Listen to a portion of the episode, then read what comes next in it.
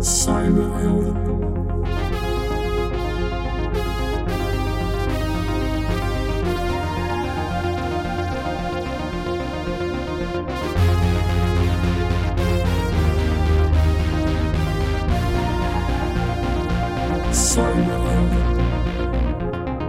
Welkom bij alweer een nieuwe aflevering van Cyberhelden, de podcast waarin ik in gesprek ga met een gast die zich bezighoudt met de digitale dreiging. Mijn naam is Ronald Prins en de gast van deze week is Erik Akerboom, het hoofd van de AIVD. Welkom Erik. Ja, dankjewel. Eigenlijk is dat dan DG, directeur-generaal, maar het is gewoon de baas van de AIVD toch? Ja hoor, Ja. geen verschil. Hey, wij kennen elkaar al, al heel lang, vanuit 2010 zag ik in mijn dagboekje. Want dat was toen ehm, al tien jaar geleden dus ook, dat DigiNotar gehackt werd. Ja. Toen was jij baas van de NCTV. Ja. Dat was nogal een crisis hier in Nederland, hè? ja, en ook wel een eh, wake-up call voor ons. Ik, eh, wat, wat ik me nog herinner ook is het eh, telefoontje dat ik toen kreeg. eh, wat er speelde en dat ik even goed moest eh, nadenken. eh, Wat is hier nou eigenlijk aan de hand? Eh, want certificaten, ik had er wel eens van gehoord. Maar eh, dat zo'n klein, tussen aanhalingstekens technisch eh, dingetje... een crisis zou kunnen veroorzaken. Ja. Dat was echt een wake-up call. En het mooie was ook dat ik, toen ik dat ging eh, rapporteren ook aan, eh, aan ministers... dat de ministers die dat waren, waren Donner en Opstelten. Nou, had je ze. Ja. En eh, toch is het mooi, die hadden wel gevoel voor wat hier gaande was. Maar we hebben uiteindelijk, denk ik, een dag of tien in crisisstructuur gezeten. Ja, dat gebeurt niet zonder- heel vaak, hè? Nee, de- nee Zeker nu niet. in coronatijd, denk ik.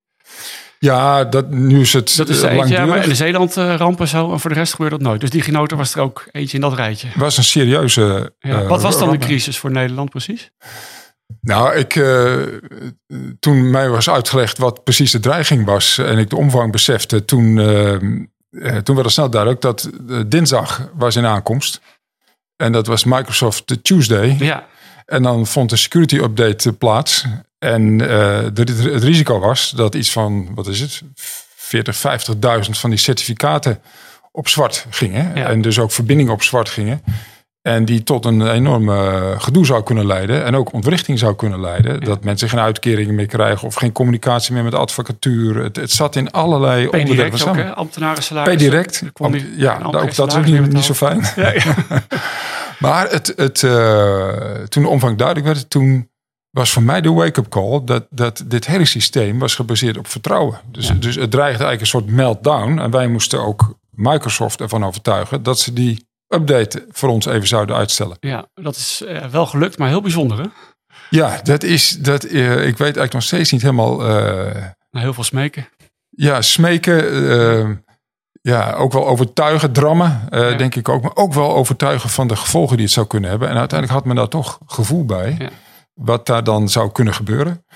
En eh, voor ons is ook nog wel een vraag, waar zitten wij naar te kijken? Dus eh, hoe is dat certificaat eigenlijk eh, in handen gekomen van de verkeerde figuren? Ja, en wie waren die verkeerde figuren? Ja, ik geloof dat we dat nooit hebben geattribueerd. Nee?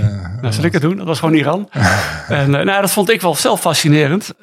Is, wat, wat, ik deed zelf het onderzoek vanuit Fox Ja? toen met anderen. We waren op de eerste dag dat het misging bij DigiNotar. En eh, dat was ook een twee weken waar we heel weinig slapen hebben. En wij waren eigenlijk alleen maar bezig met dat Iran bezig was om, wat wij toen hebben vastgesteld, 800.000 mensen eh, af te luisteren. Eh, dus Ja. alle Google-verbindingen die vanuit Iran naar buiten gingen, die, daar zaten zij tussen. Daarvoor hadden ze dat certificaat nodig. En nou, toen ik weer boven kwam en eh, met, met, met mensen aan de overheidszijde over kon praten van over de crisis, bleek dat we hele verschillende crisis hadden gehad. Ik vond het heel erg voor eh, die mensen in Iran en ik snap het ook, maar in Nederland gingen ook dingen mis. Omdat we gewoon inderdaad eh, bijvoorbeeld ook belastingen niet meer konden innen. Ja. Wat, wat heeft dit voor gevolg gehad uiteindelijk? wat, wat heeft dit dingen in beweging gebracht? Zeker. Nou ja, kijk, wat, wat je natuurlijk realiseert, is dat een bedrijf eigenlijk een soort vitale functie heeft. Die niet in handen is van de overheid. Want de vraag is natuurlijk onmiddellijk, hoe, hoe herstellen we dat vertrouwen? Want die, die, het stelen van dat certificaat, dat was ook eh, onder de pet gebleven. Ja. En dat was nou net het grote risico. Want een van de, van de belangrijke factoren is natuurlijk dat je open bent daarover. En dat je ook maatregelen kunt nemen. En dat is toen niet gebeurd. En daardoor ontstond een potentiële meltdown van dat vertrouwen. En eh, daar zaten de risico's in. En wij moesten ons dus en verhouden, verhouden tot het bedrijfsleven. We moesten eigenlijk zicht krijgen op waar die kwetsbaarheden eigenlijk in de overheid, maar ook in het bedrijfsleven zaten. We moesten een netwerk bouwen acuut eigenlijk met wie je dit gesprek zou kunnen voeren over waar die dingen eigenlijk zitten en hoe ze vervangen moeten worden. En ehm, je moet de capaciteit hebben van mensen wie heeft eigenlijk uh, verstand hiervan. Ja. En wie kan eigenlijk snel reageren op dit soort zaken. En daar is het ook, uiteindelijk ook die hele dat hele construct van die, van die cybersecurity strategie en die uh, het GovSet dat toen is overgegaan, of al was overgegaan naar de NCTV, uh, uh, wat toen NCSC werd. ook dat er toen ook netwerken zijn gebouwd om op crisis te reageren, die we later ook nog een paar keer nodig hadden. Ja. Er is toen heel veel gebeurd, ja. Ja, maar ik vond het zelf ook interessant. Ik had toen ook goed ook te volgen in de Kamer toen dat NCSC zou komen en de Cybersecurity Raad. Er waren ook een aantal Kamerleden fel op tegen. Ik weet nog, uh, de latere minister Hennis. En toen kwam DigiNotar en de week daarna kwamen gelijk de vragen... waarom is er niet al zo'n centrum die ons hiervoor waakt? nou ja, goed, zo werkt het in de politiek. Ja. Um, jij zat in, uh, toen ik hier ook rondliep bij de AVD 1999, eigenlijk BVD toen. Toen werkte jij er ook. Je bent de hele tijd eruit geweest. En uh, vorig jaar denk ik weer begonnen? Ja. hier zo. Hoe is dat? Wat, wat, is, wat, wat is hier allemaal nieuw? Wat, wat, hoe is het gewoon ervaring om even een tijdje weg te gaan en weer terug te komen? Nou, ik heb wel het, uh, het gevoel dat ik een, een uh, met, mijn tweede huis kom. Thuis, ja. maar wel in een andere dienst. Ik, ben, ik ben iets van 18 of 19 jaar geleden vertrokken. En wat je eigenlijk ziet is dat aan de buitenkant zie je dat terrorisme is gebleven. Ik ben ook in die tijd eigenlijk toen dat opkwam Ehm, ben ik hier gekomen en ook eh, heb ik gewerkt. Uh, maar wat opgekomen is, dat is vooral die, die statelijke dreiging, die er altijd wel is geweest, maar die heeft nu veel manifester, vooral ook door die cyberkant, uh, denk ik. Ja. Um, en de cyberkant zelf, de digitale kant van de IVD, is totaal veranderd. Ik geloof dat in de tijd dat jij hier werkte en ook rond de tijd dat ik hier werkte, had je een afdeling techniek van enkele tientallen mensen. Die waren vooral bezig met microfoons en zo eigenlijk. Hè? Microfoons, echte techniek. Hè? De, de, de, en in, inmiddels zijn dat 600, 700 man. En dus ook het DNA van de dienst, wat echt een human dienst was. En waaromheen natuurlijk wel wat tabs werden aangesloten en, en de informatie werd verrijkt. Op die manier uh, is het nu echt ook een digitaal DNA. Dus Ja. die, die, de, de populatie is ook veranderd. Hè? En dat is niet het- digitaal in de zin dat jullie meer computers zijn gebruiken om je werk te doen, maar ook Nee. het het slagveld is ook online eh, meer te Het doen. slagveld is eh, absoluut online. Ja. En ehm, nou, ik, eh, ik herinner mij nog goed dat in mijn eerste paar weken eh, leg niet alleen een tocht naar de, de, de tip af om bevoegdheden te kunnen inzetten, maar ook naar de RVI, waar het halve kabinet dan zit. Wat, wat is de RVI? RVI is de Raad voor de Veiligheid en Inlichtingen. Ja. Waar, ook, eh, waar je met het halve kabinet spreekt eh, over de dreiging van dat moment. Eh, een soort veiligheidsraad, maar wat je in het buitenland wel vaak ziet. En dat ik in toenemende mate zag dat onder mijn arm gingen die, die inlichtingberichten mee over waar, waar we nu weer aangevallen waren. Of wie nu weer bezig was in, Ja. in Europa. En dat was voor mij echt een andere, eh, een andere setting, een andere dreiging dan ik eh 18 jaar geleden meemaakte. Ja. En wat is nou die dreiging dan? In ieder geval in, in digitale zin. Nou, hij, ehm, hij verschilt enorm per statelijke actor. Mhm. Ehm, maar wat we ook wel hebben gezegd in jaarverslagen, en ook we zullen zeggen in jaarverslagen, is dat, dat we zien dat eh, met name die hoogtechnologische kant heel belangrijk is voor China. Ja. Om invloed in de wereld te krijgen, om zijn positie eh, te claimen. Niet, is niet zozeer om anderen tekort te doen, maar vooral om zichzelf sterk eh, te maken. Eh, en dat je ziet dat daar ook digitale middelen voor worden ingezet die er niet om liggen. En dan met een enorme capaciteit en, en power zit je al snel als dienst in de defensieve kant. Ja. Maar het geldt ook voor andere landen. Ook bij, van, de Rusland, van Rusland hebben we incidenten gezien die ertoe doen. Eh, internationaal natuurlijk ook, eh, die geattribueerd zijn ook. Eh, nog onlangs heeft de Verenigde Staten daar een heel groot punt van gemaakt. En samen met de EU opgetrokken Ja. om daar ook tegenacties te doen. Maar je ziet steeds meer landen actief worden. En ook actief worden in jouw belangen. En dat begint met het belang van het bedrijf. Waarop we ook een beetje drijven. Hè? Open samenleving, kwetsbaar, innovatief. Eh, Graag delen, universiteiten, hogescholen die, daar, die, die, die daarvan juist hebben geprofiteerd. Ook van die enorme markt die er is hè, in de wereld. eh, China eh, Mhm. hebben geprofiteerd. Zie je nu ook de keerzijde. Dat je afhankelijkheid is heel groot is geworden als samenleving. Eh, maar dat je ook ziet dat, eh, dat het tijd is om daar weer op, eh, op terug te komen. Ja. En, ik zit altijd wel een beetje te zoeken van waar ben je nou van als AIVD? Hè? We hebben allerlei instituten in Nederland om allerlei uh, aspecten van uh, beveiliging te organiseren. Uh, je noemde net zelf dat, dat bijvoorbeeld China is dan heel erg met die hoogwaardige technologie bezig. Is dat dan ook automatisch iets wat je kan ophangen onder het kopje nationale veiligheid? Op het moment dat China bezig is om, nou laten we in de farmacie nu te kijken. Stel dat ze daar inbreken. Ja. Is dat iets waarvan je zegt van ja, dat, dat moeten wij als AIVD ook wat van uh, zien tegen te gaan? Nou, wij, wij denken altijd in belang, dreiging, weerstand. Hè? De, de driehoek. Ja. Uh, je, je hebt een belang en dat staat in de wet. Uh, en je hebt een dreiging en daar moet je weerstand tegen bieden. En je moet of die dreiging naar beneden krijgen of de weerstand omhoog brengen. Met partners natuurlijk samen. dus het, dat, dat waar wij geraakt worden, moet altijd wel een belang zijn van de dienst. Willen wij een taak daar hebben. Dus ja. wij doen niet aan economische spionage. Maar dat, dat is offensief dan, hè? Dat is offensief. Ja. en ook niet defensief. het is aan een bedrijf zelf, vind ik, om maatregelen te treffen. Wat we wel zien is dat wij uh, informatie hebben die voor bedrijven van belang kan zijn. In toenemende mate eigenlijk. Hè. Uh, en we richten ons natuurlijk met name op de bedrijven die dan, wat ons betreft, prioriteit hebben. Die vitaal zijn of die uh, nou, cruciaal zijn voor onze economie. Maar inmiddels zien we dat de omvang van die activiteiten van statelijke actoren zo groot wordt. Dat ook heel veel bedrijven worden geraakt. En dat is ook wel iets, dat geldt niet zozeer voor de AIVD alleen. Uh, maar, maar, dat is juist de reden dat er een heel groot offensief ook nodig is uh, van allerlei organisaties, uh, overheden, maar ook bedrijven, mm -hmm. om hier dagelijkse business van te maken. Hè. Wij worden nu gezien, veiligheid is vaak een burner. Hè. Dus je, je kost geld. Kost geld. Ja. Maar je hoort, een, je hoort onderdeel van het earnen te worden. Ja. Omdat veiligheid moet onderdeel worden van ieder bedrijf. Van iedere, uh, de Engelsen zeggen het moet een safe place to do business worden hè, ja. in, in, in Londen. Dat vind ik heel sterk. Hè? Een, een organisatie of een bedrijf dat, uh, dat unieke technologie ontwikkelt. Maar niet heeft nagedacht over zijn, uh, zijn veiligheid, zijn cyberveiligheid, over logging, over, over allerlei maatregelen die je zo, zo moet nemen om je producten beschermen, ja. die is zijn continuïteit, zet zijn continuïteit op het spel.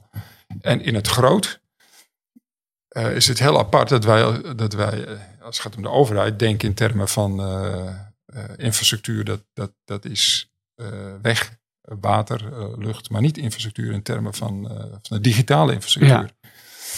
En, ja, dat wordt gezien dat is een private ruimte. Het is van jullie, regelt zelf maar. Daar ben nou ja, dat, dat zit niet in het, in het in het DNA van, de, van heel veel organisaties. Ja. Dus ons appel is ook altijd, uh, is op dit moment, dat, er, dat is, gaat niet specifiek voor de diensten.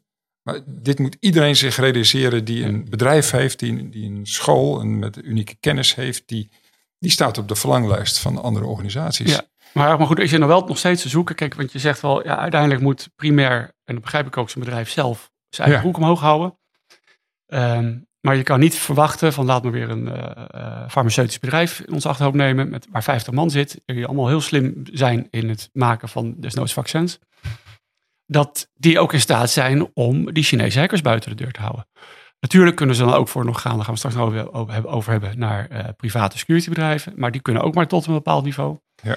Jullie hebben ultiem alle mogelijkheden om hulp te bieden. En ik zie, je noemt zelf het voorbeeld van de Engelsen.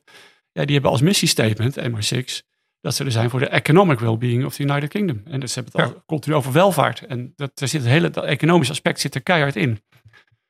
Dat zit bij ons ook. Bij ons heet dat economische veiligheid. Mm -hmm. ja. Maar ik moet wel zeggen, dat is bij ons meer gericht op de nationale veiligheid. En natuurlijk ook wel op de continuïteit eh, van de vitale sectoren. En op integriteit van kennis en, eh, en, en wat iets meer zijn. Uh, en ik vind ook wel, daar ben ik wel met je eens.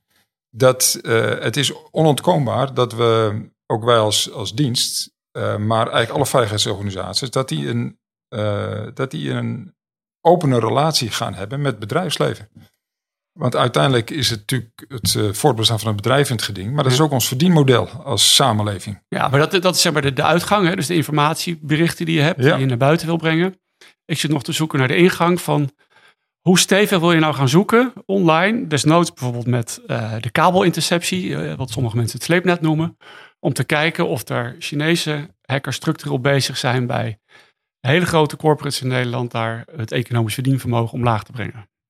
Nee, dat, dat is op dit moment geen taak van de dienst. Nee, maar is het iets wat je zou willen? Want je denkt van, ja, niemand anders kan het nu. Nou, ik denk dat er heel veel wel kan. Hè? Zeker met de bekende APT's en de, de, de securitybedrijven die dat doen. Uh, waar ik meer naar kijk is, uh, kunnen, wij een, uh, kunnen wij een trusted community om ons heen organiseren. Waarmee we dat delen, zonder dat we meteen naar alle bedrijven hoeven. Ja.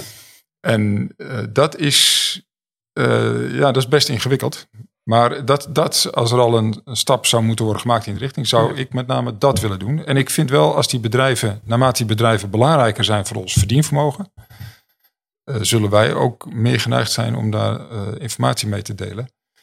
Um, maar het is onontkoombaar dat, dat als je infrastructuur, digitale infrastructuur, ook in handen is van die private sector. Mm -hmm. Als die, die private bedrijven steeds belangrijker worden voor, onze, voor het voortbestaan van onze economie dan zullen wij uh, op een intensievere manier gaan samenwerken met die bedrijven. En wat we nu al doen, als we inlichtingenberichten uitbrengen met een dreiging, ja. daar doen we daar inmiddels ook altijd al een, een cyberadvies bij, uh, wat je zou kunnen doen.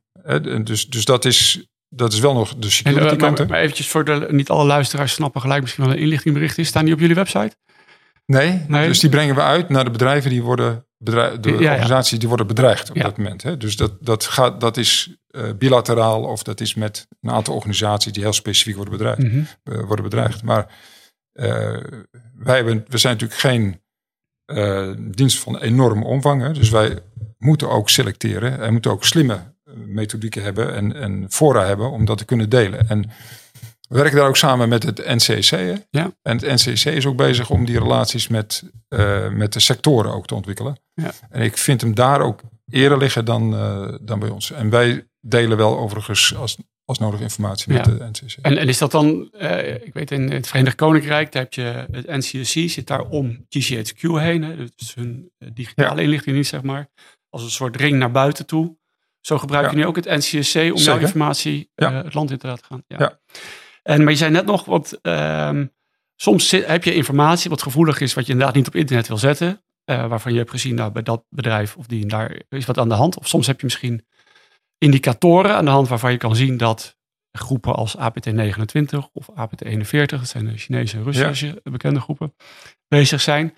Kan je dat soort informatie ook delen, zodat anderen daar eh, door beter kunnen zien dat ze aangevallen worden?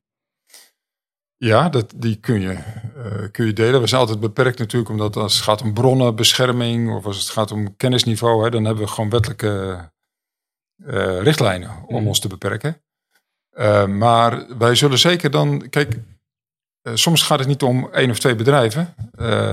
SolarWinds is een goed voorbeeld. Het gaat meteen om duizenden, zo niet tienduizenden bedrijven. Dat, dat ligt gewoon niet in ons vermogen. Nee. Eh, wat je dan nodig hebt, is eigenlijk een aantal kanalen waarmee je kunt communiceren. En daar hebben wij behoefte aan. Dat, en dat, dat ligt echt op de weg van het, eh, van het NCC, vind ik, om de mogelijkheid te krijgen, want ze kunnen dat ook nu niet, nu Mhm. doen, om buiten de vitale sectoren ook met die bedrijven dan te delen. Oké. Ehm, nou ja, wij worden veel gehackt, maar eh, jij hebt hier ook heel veel cyberhelden rondlopen, Ja, die ook heel veel hacken. Wat hacken zij allemaal? Ja hacken is eigenlijk eh, voorbehouden aan eh, inbrekers. Hè? Ja. Dus ik zeg altijd, wij- wij- bij ons heet dat binnendringen ja. geautomatiseerd netwerken. Oké, hacken dus, ja. Met toestemming. Ja, Ja, ja. ik zeg het toch even erbij. Ja, goed. Eh, dat zijn geen cowboys die daar zitten. Nee. Dat zijn echt mensen die zeer bewust bezig zijn. En die hier werken ook met als primaire zingeving. of primaire reden eigenlijk. Zingeving, hè? ik doe het voor het goede doel. Ja. Eh, en natuurlijk ook omdat, het, eh, omdat je dingen kunt doen die je nergens kan. Hè? Dat is natuurlijk eh, fantastisch. Inderdaad, wij maken daar regelmatig gebruik van, omdat het een heel effectief middel is. En ook omdat je ziet natuurlijk dat het kanaal waar je en de toegang die je wilt verkrijgen, is vaak niet anders te verkrijgen dan via hacken. Ja, en ehm, maar kan je iets concreter maken? Wat voor soort zaken zitten zij dan te hacken? Nou, voor ons is het heel erg belangrijk als jij de, Nederlandse infra- de Nederlandse infrastructuur wordt regelmatig misbruikt door aanvallen, aanvallers, door statelijke actoren. Eh, dan is het voor ons natuurlijk heel belangrijk om te kijken eh, wie dat is. En terug te hacken als dat, eh, als dat lukt. Dan moet je Mhm. vaak snel bij zijn.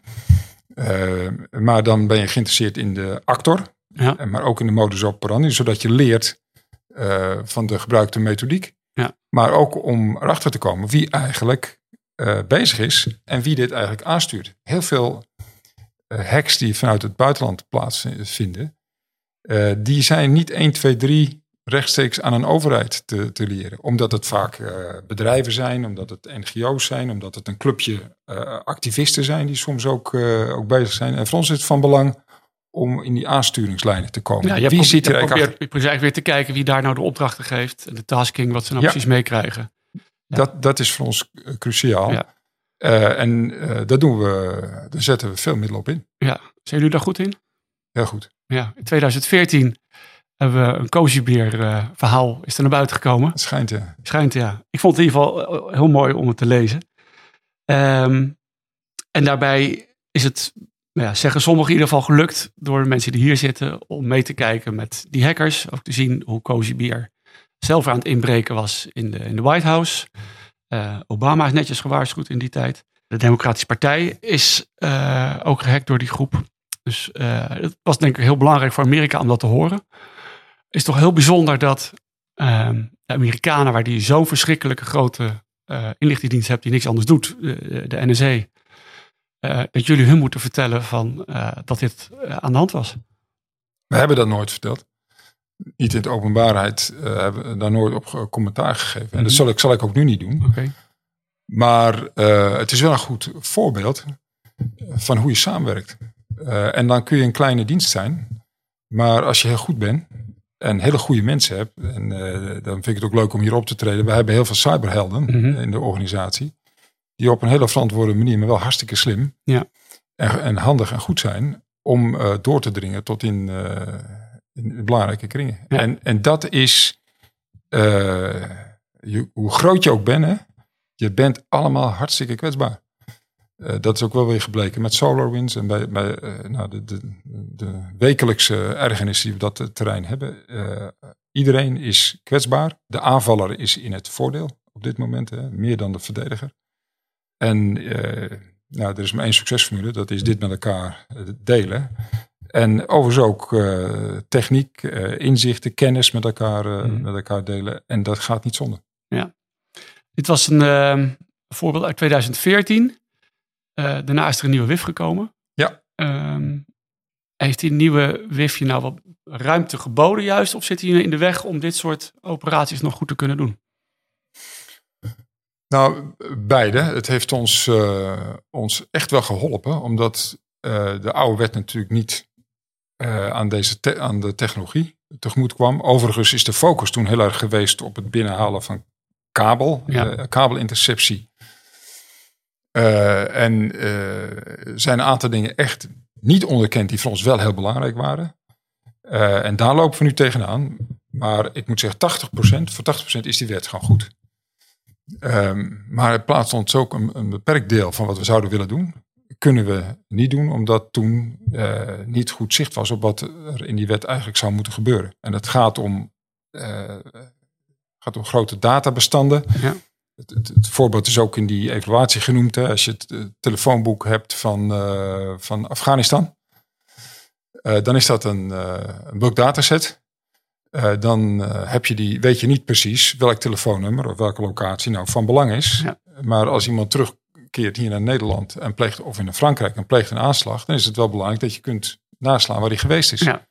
Uh, dus die bewaartermijnen zijn nu een jaar. Dat is een voorbeeld, hè? Ja, ja. Maar een, een aanslag. En, nu zou betekenen dat je na, na een jaar moet weggooien. En dan heb je weer een nieuw telefoonnummer uit Afghanistan. Waar je denkt van wie is die? Zou je eigenlijk weer opnieuw een hele hackoperatie moeten Precies. doen om aan die data te komen. En na een jaar zo'n bestand, of de Kamer van Koophandel, is ook een. Uh, of dingen die op internet staan. Dat zijn allemaal bulk datasets die uh, je na een jaar moet weggooien, dat, dat, of moet terugbrengen, zonder dat je precies weet wat relevant is. Ja. Terwijl aanslagen, uh, zeker het, reconstrueren daarvan, dat kan soms drie, vier, vijf jaar later moeten gebeuren. En dan is het heel belangrijk dat die identificatie en die sporen die iemand heeft nagelaten er is. Ja. En tegelijkertijd weet je dus dat je heel veel informatie binnen hebt over mensen die nooit onder, onderdeel van een, uh, van een onderzoek zullen worden. Dat is met een telefoonboek tenslotte ook zo. Ja, ja. Um, je vertelde net dat je uh, dat best vaak goed lukt om te infiltreren, eigenlijk weer in die APT-groepen, om daar mee te kijken. Um, is het ook een strategie om eens een keer wat stuk te maken van wat ze daar uh, hebben draaien? Of is dat niet, waar, niet iets waar je bevoegdheid voor hebt? Of is dat helemaal geen goed plan?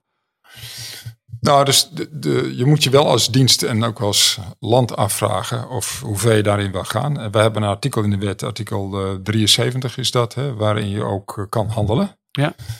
Um, het staat lekker abstract, hè? Je mag... Het staat uh, behoorlijk abstract, maar ik, dit vind ik wel een. Uh, dit, ik, ik vind zelf dat wij als dienst uh, moeten wij niet alleen een analytische dienst zijn en een waarschuwende dienst, maar je, je, moet ook een handelingsvermogen kunnen hebben. Je mhm. moet ook kunnen verstoren.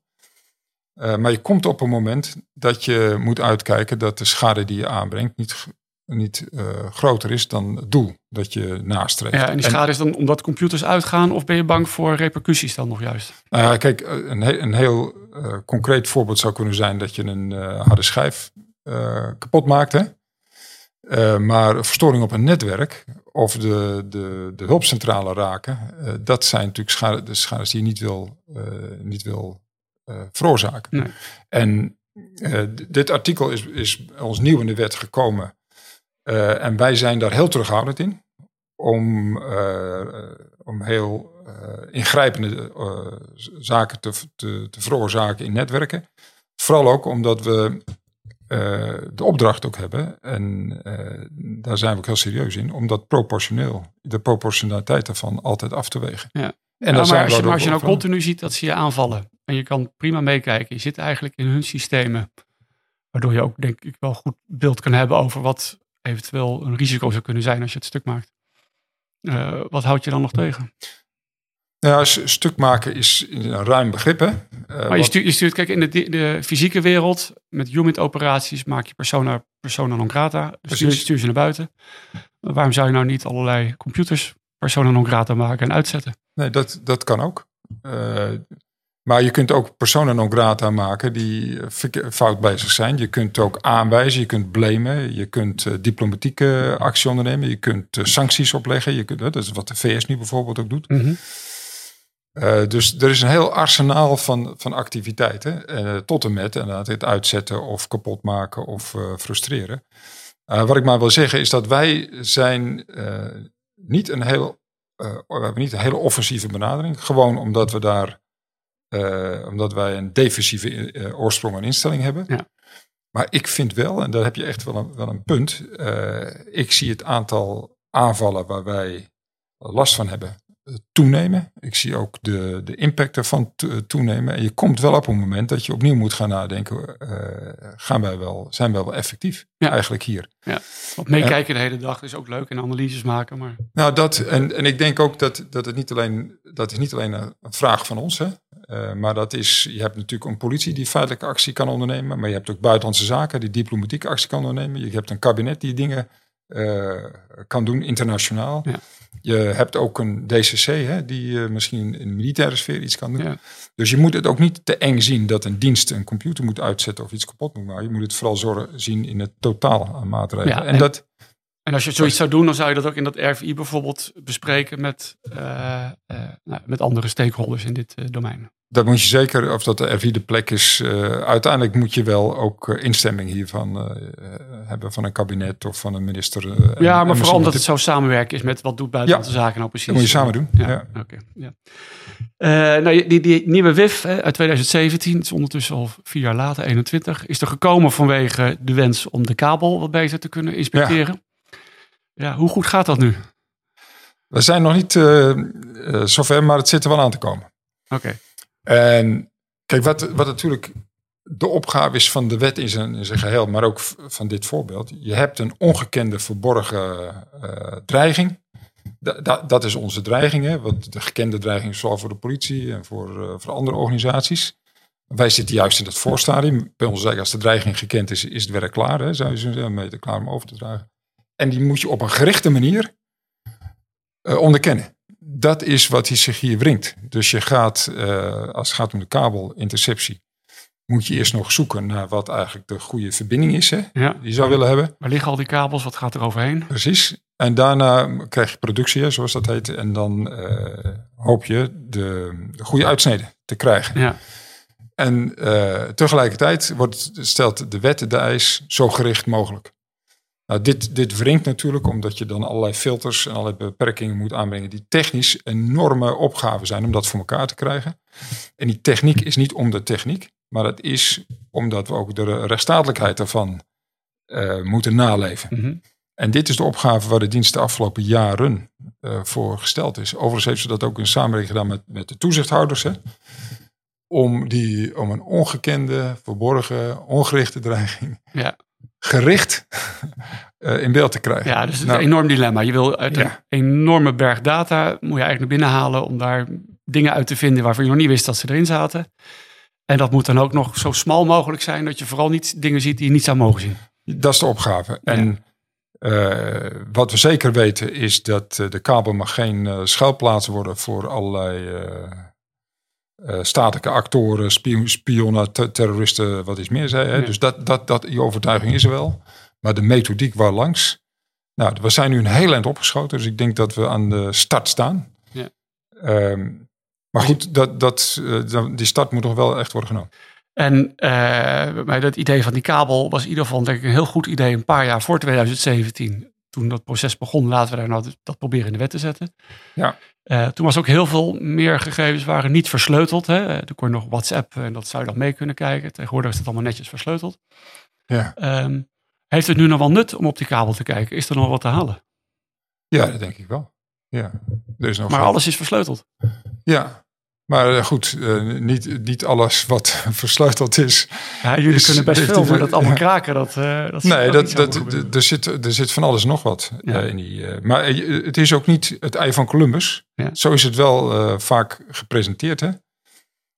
Het, het gaat, je kunt bulkdata, je kunt informatie op heel veel manieren binnenkrijgen. En het is nog steeds een human dienst. En een cyberdienst. Hè? Ja. En je moet die, die inlichtingenmix ook compleet houden. En deze, dit, dit onderdeel ontbrak gewoon. Nou heeft net de Rekenkamer ook een interessant rapport gepubliceerd. Ja. Eh, die hebben gekeken naar, eh, ja, kan de dienst met deze wet in de hand eigenlijk zijn werk nog wel goed doen? Is, hoe is het met de slagkracht eigenlijk? Hè? Ehm, en daar, daar komt uit dat het behoorlijk aan het wringen is. En, Ja. eh, hoe vertaalt zich dat? Wat, wat, wat, voor, wat voor dingen kan je nou niet meer doen die je wel zou willen doen? Nou, het sleutelwoord hier was uitvoerbaarheid. Is zo'n wet nou uitvoerbaar? Kijk, wij zijn de uitvoerders Mhm. eh, en eh, er komt zo'n wet aan en die is meteen geldig.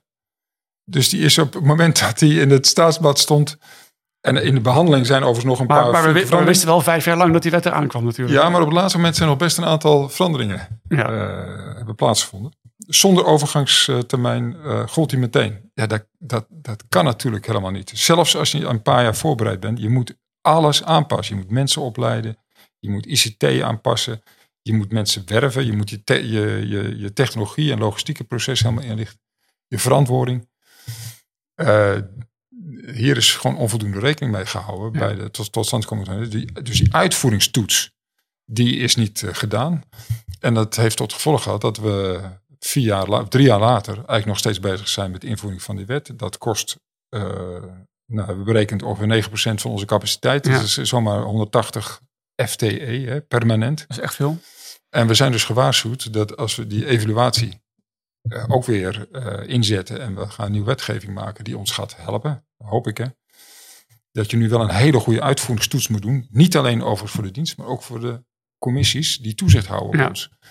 Beide moeten uitvoerbaar zijn. En ehm, nou, die slagkracht staat in die zin onder druk dat wij gewoon 200 mensen aan de gang hebben die bezig zijn met die uitvoering van die wet. Ja. En, En, wat, en gaat het dan nu worden? Want je gaat ook nog, eh, wat je aangaf, meer met economische veiligheid doen. Wat dus eigenlijk ook vergt, denk ik, dat je daar ook meer capaciteit op wil ontwikkelen. Ja. Eh, je hebt maar een paar knopjes waar je kan draaien. Eh, die, die compliance of die waarborgen die blijven, die zullen niet zo gauw minder worden. Eh, ga je nog meer mensen erbij halen? Of ga je misschien zeggen van, nou, een aantal van de taken die we doen, zijn misschien wat minder relevant. Ik zie bijvoorbeeld in Amerika wordt heel erg geschoven van eh contra-terrorisme meer naar de digitale wereld. Eh, De, de, de terreurdreiging wordt blijkbaar wat minder ervaren. Ja. Wat, wel- welke keuze ga jij maken? Nou, wat je, hoe, hoe we dat vertalen naar capaciteit en zo, dat, dat zul je van mij niet horen. Geheim natuurlijk. Ja. Maar dat, die cyberdreiging is er nadrukkelijk bijgekomen. En wat wij permanent doen, is uh, afwegen. En ieder jaar doen we dat heel uh, intens. Afwegen welke capaciteit we toekennen aan welke teams. En ik zal een paar voorbeelden noemen. Als je, uh, als je statelijke actoren ziet, actiever ziet, ziet worden, moet je opschalen. En dat doen we ook. Maar dat gaat niet alleen om mensen. Dat gaat ook om, om technologie. En ik zie dat die, die mix, die middelenmix, daar we technologie inzet van, da van data, analyse tools van, uh, nou, van alles wat, wat materieel is, neemt toe. En ik zie dat de, de combinatie van personeel en materieel ga, is aan het verschuiven. Dat is een beweging. wij kijken ook permanent of je moet schuiven tussen contraterrorisme, maar je hebt inmiddels ook rechtsterrorisme ja. in ontwikkeling. Hè? iets waar we ons echt zorgen om, over maken. Je hebt die statelijke actoren. En ieder jaar wegen wij af waar mensen en ook middelen ingezet moeten worden. En die verschuiven. En daar leggen we ook keurig verantwoording over af, hè, zodat iedereen weet wat we aan het doen zijn. Maar die zijn zeker niet statisch. En ook wij zien dat de een, prioriteit statelijke actoren meer dan ooit. Ik zie dat de kosten die, die zijn gemoeid met investeringen moet doen om bij te blijven. Je bent eigenlijk alleen een interessante partner voor andere landen als je wat te bieden hebt. En als je op de, in de top van de technologie uh, en informatieverwerking meedraait. Anders ben je niet in business. Hè. Hmm. Krijg je ook niks terug. Zo werkt die inlichtingwereld ja. nou eenmaal. Het vraagt grote investeringen als je niet top mee wil komen. En je ziet ook dat degenen op wie we onze, die zich op ons richten, ook zelf steeds beter beveiligd zijn. Ja. Dus je moet ook steeds beter worden ja. om toegang eh, te krijgen, om te zien wat er eigenlijk gebeurt. Ja. Dit, uh, dus een, lang, een lange antwoord op jouw vraag. Uh, investeringen zullen moeten komen in technologie, uh, in cyber en in statelijke actoren. En als die investeringen die komen, moet je kiezen. Ja, maar heb ik net het cybersecurity rapport gelezen over, nou ik weet niet of het rapport is, maar ze claimen in ieder geval 833 miljoen. Maar voor alles wat in Nederland met cyber bezig is, behalve waar jij mee bezig bent. Dat, ja. jij, jij krijgt geen euro eh, van die 833 miljoen.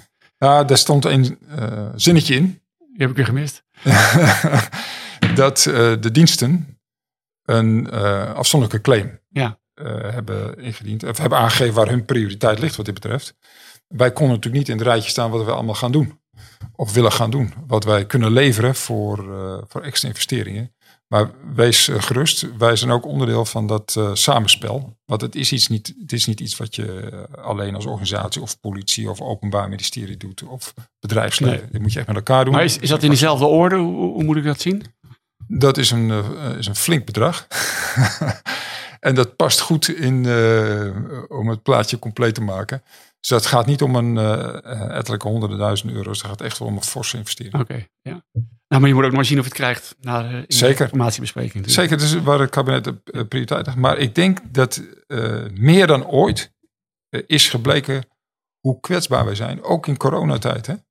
Is gebleken hoe we afhankelijk zijn van andere ja. landen.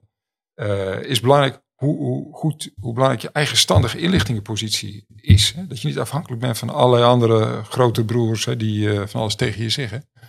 En ik denk dat, dat meer dan ooit ook het besef doordringt dat veiligheid van belang is. Uh, de, de, de VPN-verbindingen uh, ja. zijn cruciaal in deze, deze tijd. Ja. dus dus ik denk dat die boodschap wel aankomt. Ja. Erik, je hebt uh, volgens mij eigenlijk alle veiligheidstopfuncties in Nederland gehad. Je bent NZTV geweest, je bent de baas van de ambtenaren van Defensie geweest, SG was je daar. Ja. De baas van de politie geweest, nu baas van de IVD nog. Wat, wat, ja. uh, wat valt er nog meer te doen hierna? Vrij bedrijfsleven. Zelf, zelf denk, denk, ik aan uh, wijkagent in Tietjerk Ja, ja. Dat je rond je eigen huis wandelen. Ja, ja, nou kijk, ik, ik vind het heel leuk om, dit is voor mij een ontzettend mooie job. Dat was de baan die ik uh, nog heel graag wilde hebben.